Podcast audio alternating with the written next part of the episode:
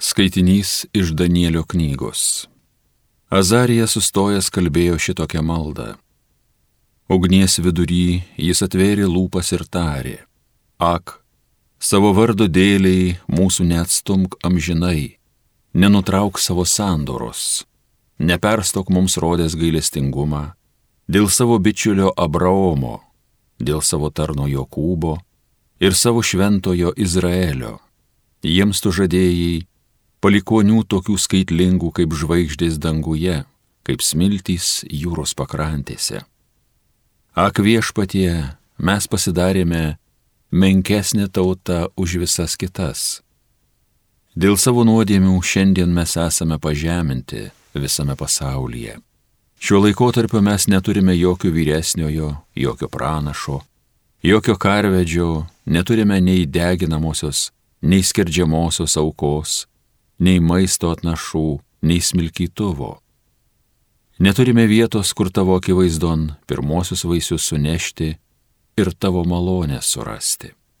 Betgi priimk mus, ateiname su skaudama širdimi ir nuolankus. Kaip tekių ir jaučių deginamosios aukos, kaip tūkstančiai tų kliuovinėlių, taip šiandien te būna įskaityta ši mūsų auka tavo akivaizdoje kad ji tau už mus atsiteistų. Juk kas tavimi pasikliauja, nebus sugėdintas.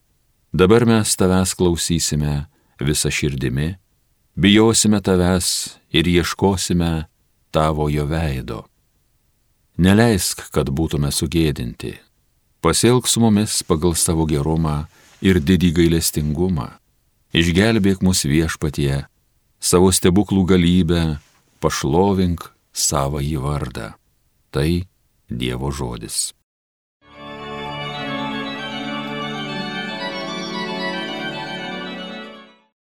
Viešpatie atsimink, kad esi maloningas. Parodyk man viešpatie savo į kelią, išmokyk mane takais tavo eiti.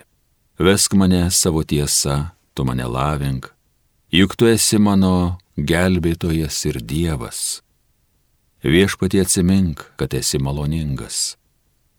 Viešpatie atsimink, kad esi maloningas, atsimink nuo pradžios, kokią meilę man rodėjai. Atmink mane dėliai savo gerumo, nepamirški savo malonės. Viešpatie atsimink, kad esi maloningas. Tiesus malonus yra viešpats, todėliai klystantiems kelią parodys. Kukliųjų mintis kreips į tiesą, savo keliu mokys eit nuolankiuosius. Viešpatie, atsimink, kad esi maloningas. Šlovėtau Kristau, amžinosios garbės karaliau. Iš viso širdies į mane atsiverskite, sako viešpats, nes aš maloningas ir gailestingas. Šlovėtau Kristau, amžinosios garbės karaliau.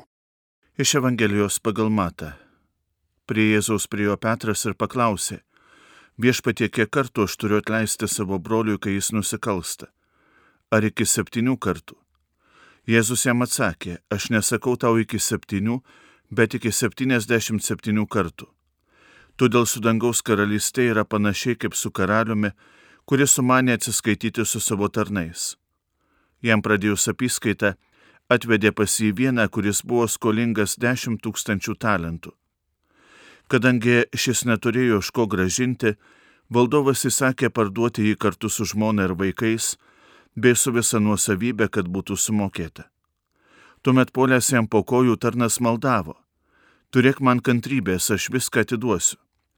Pasigailėjęs nuo tarno valdovas paleido jį ir dovanojo skolą. Vos tik išėjęs, tas tarnas susitiko vieną savo draugą, kuris jam buvo skolingas šimtą denarų ir nutvėręs smaugė jį sakydamas atiduok skolą. Puolęs ant kelių draugas maldavo, turėk man kantrybės, aš tau viską atiduosiu. Bet tas nesutiko, ėmė ir įmestino jį į kalėjimą iki atiduos skolą.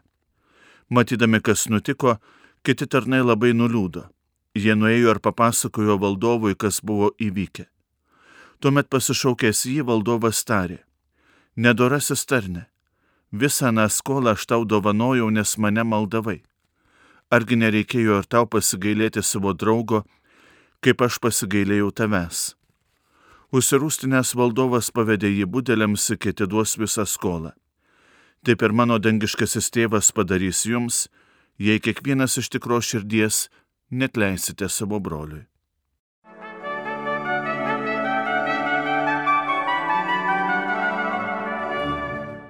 Kiek kartų turiu atleisti? Aktualus klausimas šiandieną skamba Petro lūpose. Jį galbūt nebyliai kartojame ir mes, kai susidurėme su įvairiausiais iššūkiais. Kiek kartų turiu atleisti tam, kuris netaip pažiūrėjo, kuris nesilaikė žodžio? Kiek kartų turiu atleisti tam, kuris neklausė manęs, kuris galbūt kalbėjo su manimi nepagarbiai? Kiek kartų turiu atleisti tam, kuris mąstė ne taip, kaip aš noriu? ir galų gale ar iš viso reikalingas atleidimas, gailestingumas, kai tiek daug kraujo, tiek daug aplink ambicijų, pykčio, keršto, konkurencinio individualizmo. Šiandien atleidimo kultūra dažnai asocijuojasi su nuleistos galvos tikrove, kurios mes turėtumėm vengti. Atleidimo kultūros mes vis labiau imame bijoti. Mums yra priimtinesnė mirties bausmės kultūra, keršto kultūra, bet ne pedagogikos kultūra. Todėl tas klausimas, kiek kartų, virsta klausimo, kiek ilgai, kiek laiko truks tas atleidimas, ar jis iš vis įmanomas, ypatingai tuo met, kai jo atlikti nelabai noriu. Todėl kaip pasielgti ir atleidimui, gailestingumui galioja kokios nors ribos. Tiek daug atrodo klausimėlių telpa į vieną tą esminį Petro keturių žodžių klausimą, kiek kartų turiu atleisti. Kalbėdamasi su Jėzumi, Petras jau ko gero buvo prieėjęs žmogiškai atleidimo ribą, tą, kurią mes visi puikiausiai žinome, kurią mes visi galbūt irgi esame vienai par kitaip prieėję prie jos, prie jos priartėję arba ją vienai par kitaip išreiškę. Labai dažnai tenka girdėti pasakymą, kad tai jau paskutinis kartas, daugiau to nebus. Viešpats į Petro klausimą neatsako tiesiai šviesiai ar vienu žodžiu.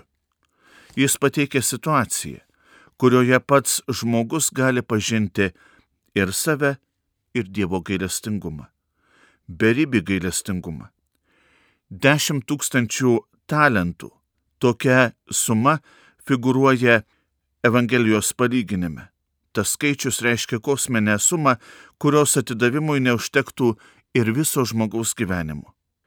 Ir kaip prieš priešą pateikiama daug mažesnė suma - šimtas denarų. Tai vidutinis praščioko vienos dienos uždarbis. Štai kokie kraštutinumai. Jie mums pagelbė pamatyti tai, kiek daug Dievas yra į mus investavęs, kiek daug mumis pasitikėjęs ir kaip dažnai mes suabsoliutiname tas mažas ir nereikšmingas situacijas, iškeldami jas virš artimo žmogaus ir net virš Dievo. Galiu pasielgti kitaip, negu kad Dievas, būdamas be galo geras ir gailestingas, pasielgė su manimi. Be abejo, šie žodžiai yra kabutėse. Viešpats atsakydamas Petrui nurodo, kad gailestingumui nėra ir negali būti jokių ribų. Ir Dievo gailestingumas turi būti kiekvieno žmogaus tikslas. Žmogaus, kuriam daug patikėta ir daug dovanota. Tad ir šiandieną žinokime, kad reikia gyventi ne nors ir, iki septynių kartų trunkančių teisingumu, bet jau dabar, jau čia žemėje atspindėti iki begalybių begalybės, trunkantį paties Dievo gailestingumą. Atrodo sunku, atrodo neįmanoma, bet sunku ir neįmanoma būna tuo met, kai nežvelgiame į viešpatį, kai nepasitikime juo. Brangieji, šią atleidimo ir gailestingumo problemą įmanoma įspręsti, kai net ir tas mažytės sumas, šimto denarų skolos sumas paliekame ne savo pačių sprendimui, bet atiduodame tam, kuris turi išteklių net ir iki begalybių begalybės atleisti ir dovanoti, kuriam net ir dešimt tūkstančių talentų yra niekai. Mokykime šiandien to beribio atleidimo, žinodami, kad kiek atleidome, tiek ir mums bus atleista. Amen.